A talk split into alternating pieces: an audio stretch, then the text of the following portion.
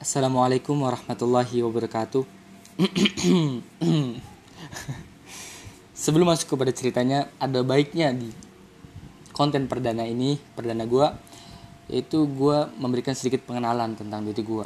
Ya, uh, nama gue Ibrahim dan alasan gue bermain ini karena gue gabut, sangat gabut, hingga akhirnya gue mencoba hal yang tidak mungkin gue coba sebelumnya. Yo, bener bener, bener banget karena gue gabut jadi gue cobalah ya gitu. Dan yang kedua emang alasannya karena gue pengen pandai apa ya pengen jago berpublic speaking.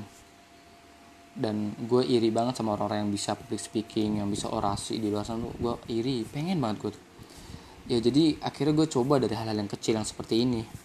Semoga aja bisa memberikan dampak positif ke diri gue. Dan semoga aja bisa memberikan manfaat kepada kalian semua. Gue berharap seperti itu. Amin uh, oke okay.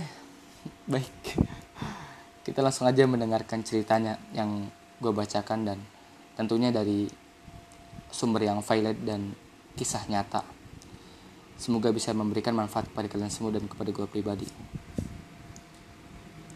seorang istri menceritakan kisah suaminya pada tahun 1415 Hijriah. Ia berkata, Suamiku adalah seorang pemuda yang gagah, semangat, rajin, tampan, berakhlak mulia, taat beragama, dan berbakti kepada kedua orang tuanya. Ia menikahiku pada tahun 1390 Hijriah. Aku tinggal bersamanya di kota Riyadh, di rumah ayahnya, sebagaimana tradisi keluarga-keluarga Arab Saudi. Aku takjub dan kagum dengan baktinya kepada kedua orang tuanya. Aku bersyukur dan memuji Allah yang telah menganugerahkan kepadaku suamiku ini.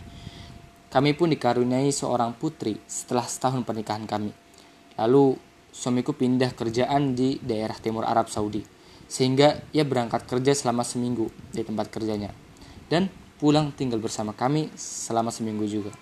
Hingga akhirnya setelah tiga tahun dan putriku telah berusia empat tahun, pada suatu hari yaitu tanggal 9 Ramadan tahun 1395 Hijriah, tatkala ia dalam perjalanan dari kota kerjanya menuju rumah kami di Riyadh, ia mengalami kecelakaan.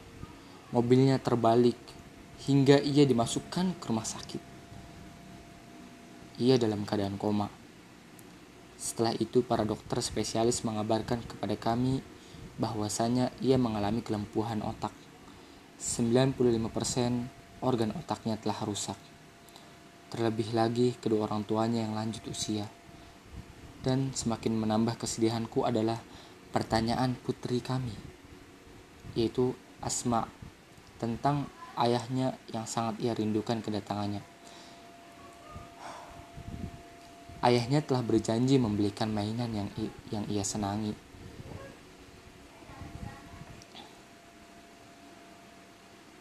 Lanjut cerita, kami senantiasa bergantian menjenguknya di rumah sakit dan ia tetap dalam kondisinya.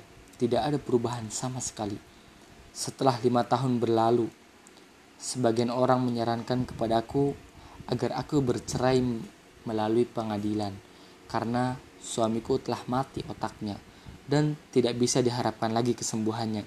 Yang berfatwa demikian sebagian syekh, tapi aku lupa namanya siapa mereka. Tapi intinya uh, sudah berfatwa tentang dibolehkannya saya untuk menceraikan suami saya karena otaknya benar-benar telah mati. Akan tetapi aku menolaknya. Benar-benar aku menolak anjuran tersebut.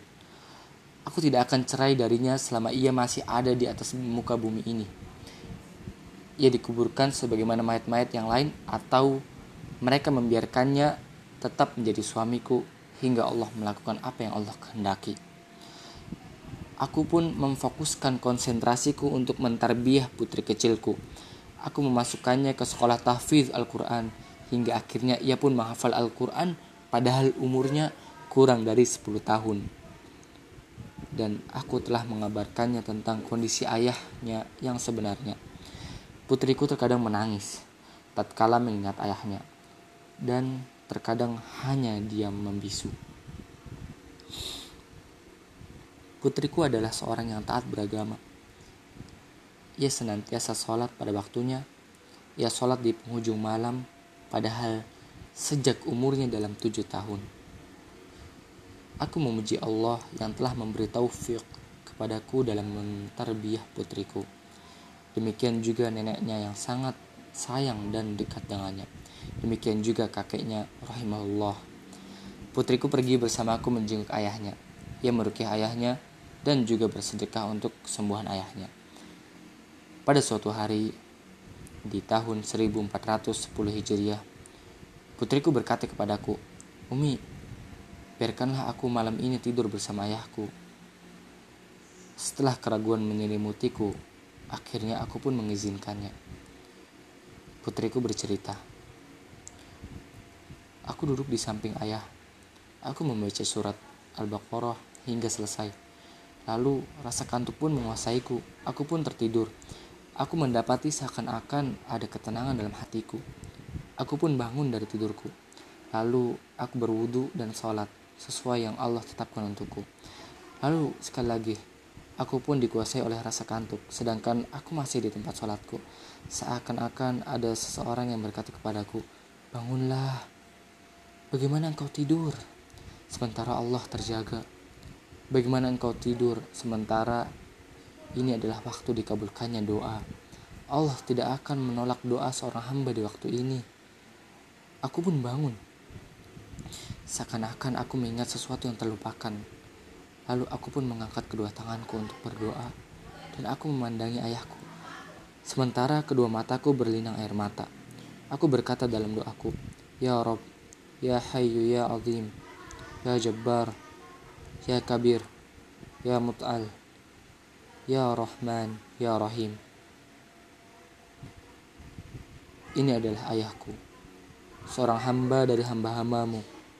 Ia telah ditimpa penderitaan dan kami telah bersabar. Kami memuji engkau. Kami beriman dengan keputusan dan ketetapanmu baginya. Ya Allah Sesungguhnya ia berada di bawah kehendakmu dan kasih sayangmu.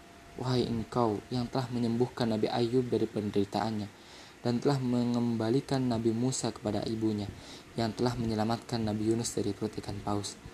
Engkau yang telah menjadikan api menjadi dingin dan keselamatan bagi Nabi Ibrahim. Sembuhkanlah ayahku dari penderitaannya. Ya Allah, sesungguhnya mereka telah menyangka bahwasannya ia tidak mungkin lagi sembuh.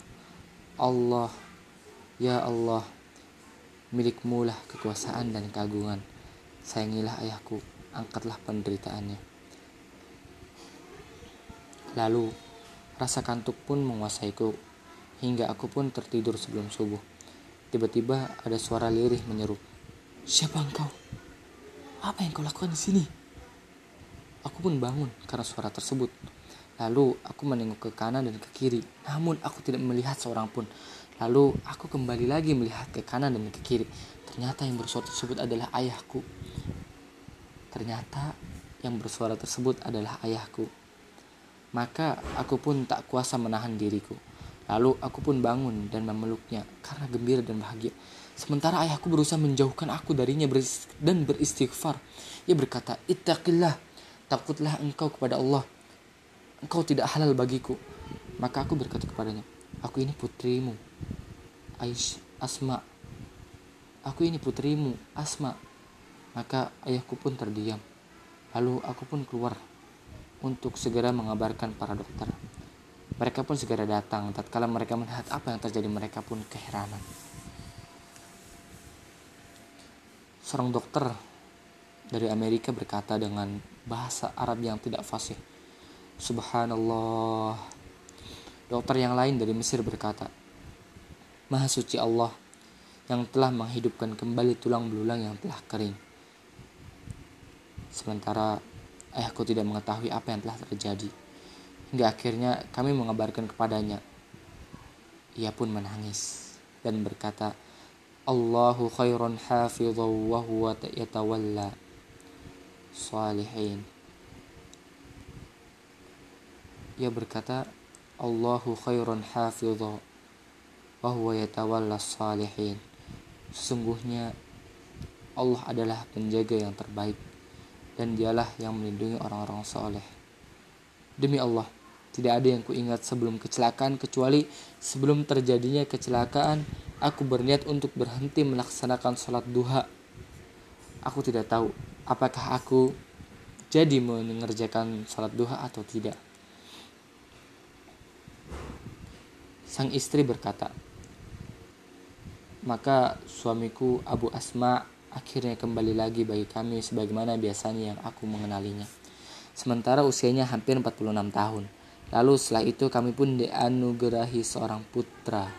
Alhamdulillah sekarang umurnya telah sudah masuk usia yang kedua. Maha suci Allah yang telah mengembalikan suamiku setelah 15 tahun, yang telah menjaga putrinya, yang telah memberi taufik kepadaku dan menganugerahkan keikhlasan kepadaku hingga bisa menjadi istri yang baik bagi suamiku. Meskipun ia dalam keadaan koma. Maka janganlah sekali-kali kalian meninggalkan doa. Sesungguhnya tidak ada yang menolak kodok kecuali doa. Tidak ada yang menolak takdir kecuali doa. E, barang siapa yang menjaga syariat Allah maka Allah akan menjaganya jangan lupa jangan lupa juga untuk mem Jangan lupa juga untuk berbakti kepada kedua orang tua dan hendaknya kita ingat bahwasanya di tangan Allah lah pengaturan segala sesuatu, di tangannya lah segala takdir. Tidak ada siapa pun selainnya yang ikut mengatur. Ini adalah kisahku sebagai ibrah, sebagai pelajaran. Semoga Allah memberikan kisah ini bermanfaat bagi orang-orang yang merasa bahwa seluruh jalan telah tertutup dan penderitaan telah menyelimutinya sebab-sebab dan pintu-pintu keselamatan telah tertutup. Maka ketuklah pintu langit dengan doa dan yakinlah dengan pengabulan Allah. Demikianlah Alhamdulillah Rabbil Alamin. Ya, kisahnya sudah selesai dan sedikit nasihat dari penerjemah dari bahasa Arab yaitu Ustadz Firanda Andirja Hafizullah Ta'ala dia memberikan sedikit nasihat Janganlah pernah putus asa jika Tuhanmu adalah Allah. Cukup tak cukup ketuklah pintunya dengan doamu yang tulus. Hiaslah doamu dengan berhusnuzon kepada Allah yang Maha Suci. Lalu yakinlah dengan pertolongan yang dekat darinya. Wallahu taala alam. Semoga kisah ini bisa kita ambil manfaatnya, kita ambil faedahnya dan Semoga kita selalu diberikan kebaikan dunia dan akhirat dan selalu diberikan hidayah Allah Subhanahu wa taala dan selalu diberikan ilmu yang bermanfaat dan dijauhkan dari ilmu yang tidak bermanfaat. Subhanakallahumma rabbana bihamdika asyhadu an la ilaha illa anta astaghfiruka wa atubu ilaik.